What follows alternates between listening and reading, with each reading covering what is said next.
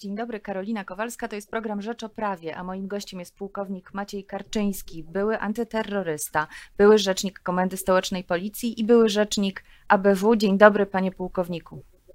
Dzień dobry, witam państwa, witam panią. Temat aktualny temat bardzo bolesny i pewnie dla byłego policjanta, byłego antyterrorysty e, również dość niewygodny, z tego względu, że wydaje się, że policja zachowuje się mocno nieadekwatnie do okoliczności. Chodzi mi oczywiście o tłumienie strajku kobiet. Czy rzeczywiście e, potrzebne są aż takie środki do e, powstrzymania przed protestem głównie kobiet, głównie dzieci? Młodzieży. To bardzo, to bardzo trudny temat, który dotyka nie tylko obywateli, ale również nas, policjantów, byłych i aktualnych. Ja może na początek powiem, że ja generalnie się e, utożsamiam ze strajkiem e, kobiet, z, z tym, że niepotrzebnie ta ustawa została zmieniona w tej chwili.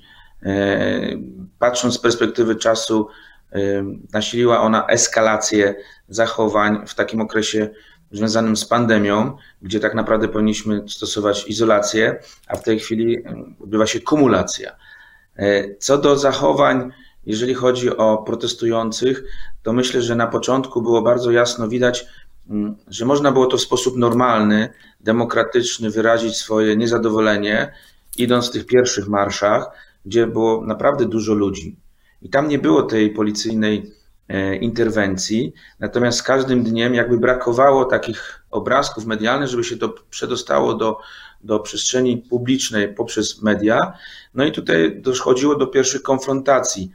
E, ja będąc rzecznikiem prasowym Komendy Stołecznej w Warszawie czy w Szczecinie jeszcze w policji, doskonale pamiętam zabezpieczenia wielu mm, e, sytuacji, manifestacji, zgromadzeń, chociażby mm, miesięcznic e, smoleńskich, czy e, wielu e, marszów, nie, nie, marszów 11 listopada, czy meczów podczas Euro 2012 i zawsze to mm, przykuwało uwagę również mediów zachowanie policjantów. W tym przypadku nie mówię tego mm, bez powodu, uważam, że ten pierwszy strajk, ta pierwsza demonstracja zgromadziła bardzo dużo ludzi. Później pojawiały się różnego rodzaju inwektywy, można powiedzieć, złe zachowania z obydwu stron, żeby nie było tutaj, że ja będę bronił do końca policji.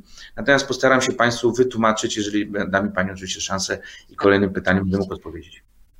Panie pułkowniku, e, ja rozumiem, że są e, złe zachowania z obu stron, jednak to policja jest e, umundurowana, uzbrojona, a na listopadowy marsz skierowano nawet funkcjonariuszy BOA, Biuro Operacji Antyterrorystycznych, czyli tą elitę, można powiedzieć, komandosów policyjnych, którzy, jak wiemy z przekazów, nie potrafili się zachować i użyli nadmiernej siły wobec protestujących kobiet. Czy to się da usprawiedliwić i dlaczego antyterrorystów, komandosów wysyła się na protestujące kobiety. Na pewno nie byli oni e, użyci, czy e, byli na służbie, aby ścierać się z kobietami. To proszę sobie e, jasno uświadomić i proszę zrozumieć, jeżeli będę w stanie to wytłumaczyć.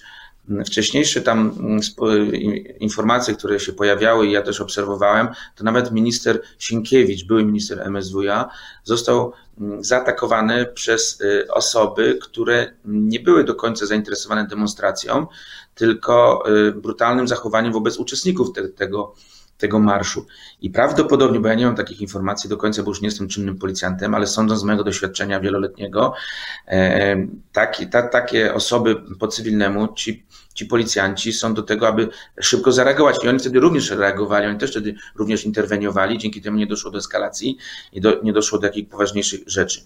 Fakt faktem, że w tym przypadku, kiedy widzimy obrazek e, strajku kobiet, kiedy jest użyta pałka teleskopowa przez niemundurowanego policjanta, a potem wychodzi na, mm, na, na światło dzienne, że jest to funkcjonariusz e, BOA, no to budzi to pewne wątpliwości i, i jakby sprzeciw e, społeczeństwa, bo oczywiście opinia publiczna jest tutaj bezwzględna, idzie za informacją medialną, ale ja właśnie chciałbym to tak sobie tutaj na spokojnie z Państwem to wytłumaczyć.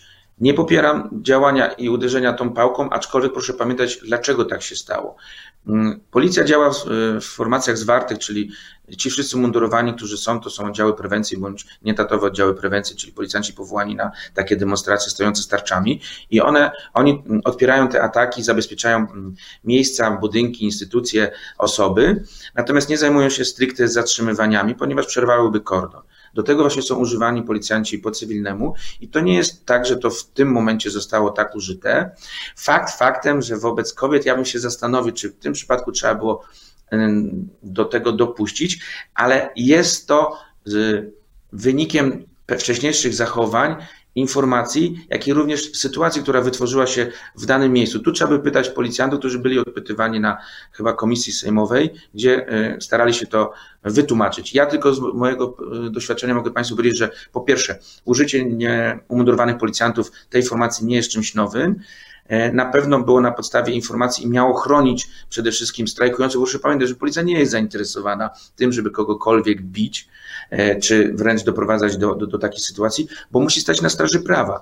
Ale również takie jedno zachowanie nie może decydować o ocenie 100-tysięcznej formacji. Panie pułkowniku, ale czy nie mamy innych e, policjantów, którzy mogliby e, pełnić rolę tych policjantów cywilnych? Czy nie mamy oddziałów e, chociażby kryminalnych z całej Warszawy? Czy trzeba było do tego angażować BOA, które, tak jak w naszej wcześniejszej rozmowie przed anteną pan mówił, no jest przyzwyczajone do tego, żeby jednak reagować bardziej siłowo? Nie, no oczywiście ja sam będąc kom, policyjnym komandosem, czyli antyterrorystą, no byłem uczony do zwalczania fizycznego terroru kryminalnego, do zachowań takich, które są, e, mają być szybkie, za, zasadne wobec użycia, wobec mnie siły, czy na, na, narażenie własnego zdrowia, e, ochraniając innych. Więc być może ten, ten policjant, funkcjonariusz za, zachował się tak, jak jest szkolony, no ktoś go zapał za tą pałkę, bo to też jest fakt bezsprzeczny, pomijany. I dopiero w tym momencie on się odwrócił, tak naprawdę uderzył w plecach, to, to widać na tych nagraniach aczkolwiek jest to przekaz, przekazywany, pokazywany w taki sposób inny, to jakby pokazujący e, brutalność policji. I ja tutaj nie będę z tym polemizował.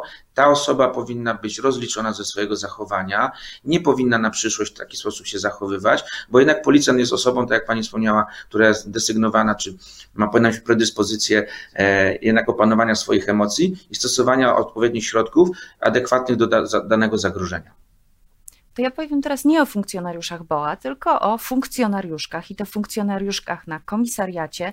Mamy opis zatrzymania babci Kasi e, na komisariacie, pani Katarzyny Augustynek, która bierze udział we wszystkich e, demonstracjach.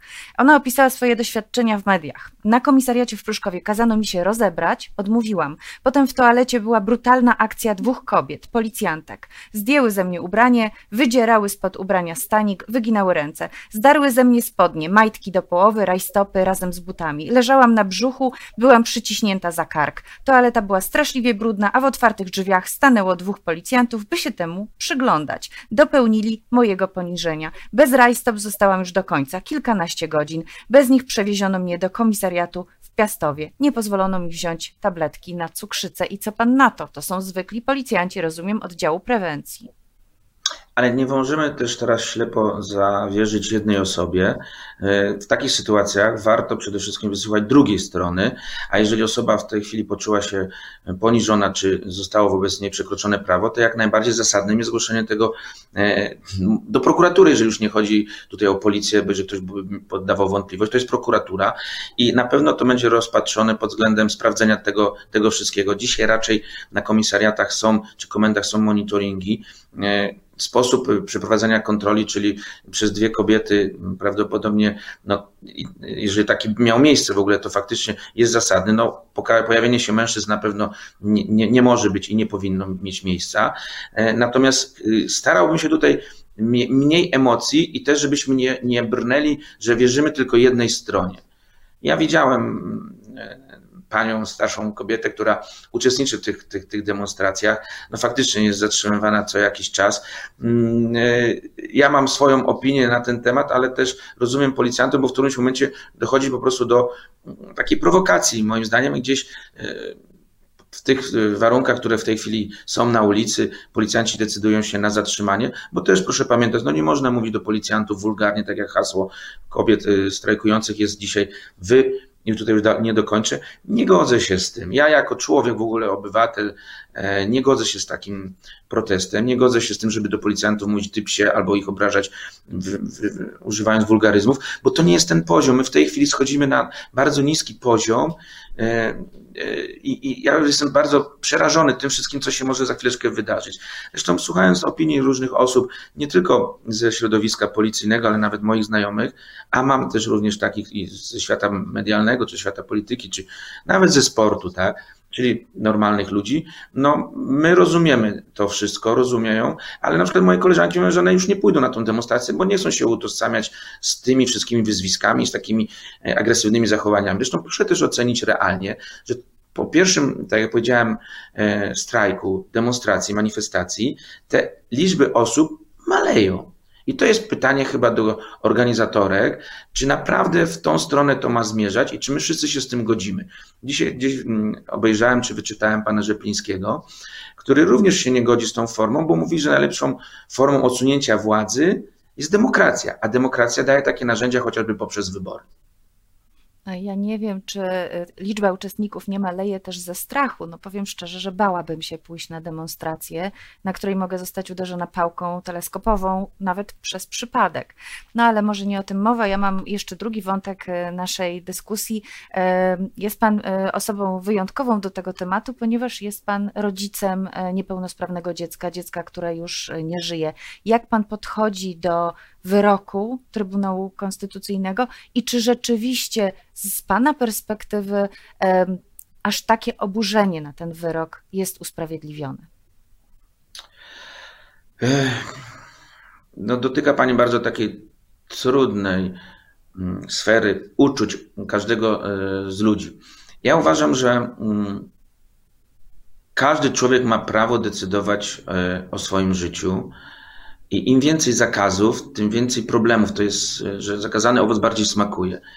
Do tej pory funkcjonujące przepisy jakby to mm, nie, do, nie dotykały tej sfery, powiedzmy, intymnej, którą zamierzają teraz jakby obejmować. E, ja sobie nie wyobrażam, żeby mój syn się nie narodził, e, mimo że był bardzo ciężko chory, ale też również 6 lat cierpień e, tego dziecka pokazało mi, e, znaczy uświadomiło mi pewne rzeczy, z którymi być może inni by się nie pogodzili. E, ja jestem osobą wierzącą, żeby była jasność. Mm, nie odpowiem Państwu, czy bym umiał e, usunąć ciążę, ale oczywiście jako człowiek w którymś momencie mm, pewnie bym się zastanowił. Mm, zresztą powiem tak po raz pierwszy, że ja już nigdy nie pomyślałem, żeby mieć kolejne dziecko, bo nie chciałem, żeby było chore. To daje do myślenia na, na pewno również takim twardym zwolennikom tego zaostrzenia y, ustawy antyaborcyjnej. Bardzo dziękuję. Moim gościem był pułkownik Maciej Karczyński, były antyterrorysta, były rzecznik Komendy Stołecznej Policji i ABW, ojciec dziecka z ciężką niepełnosprawnością. Dziękuję.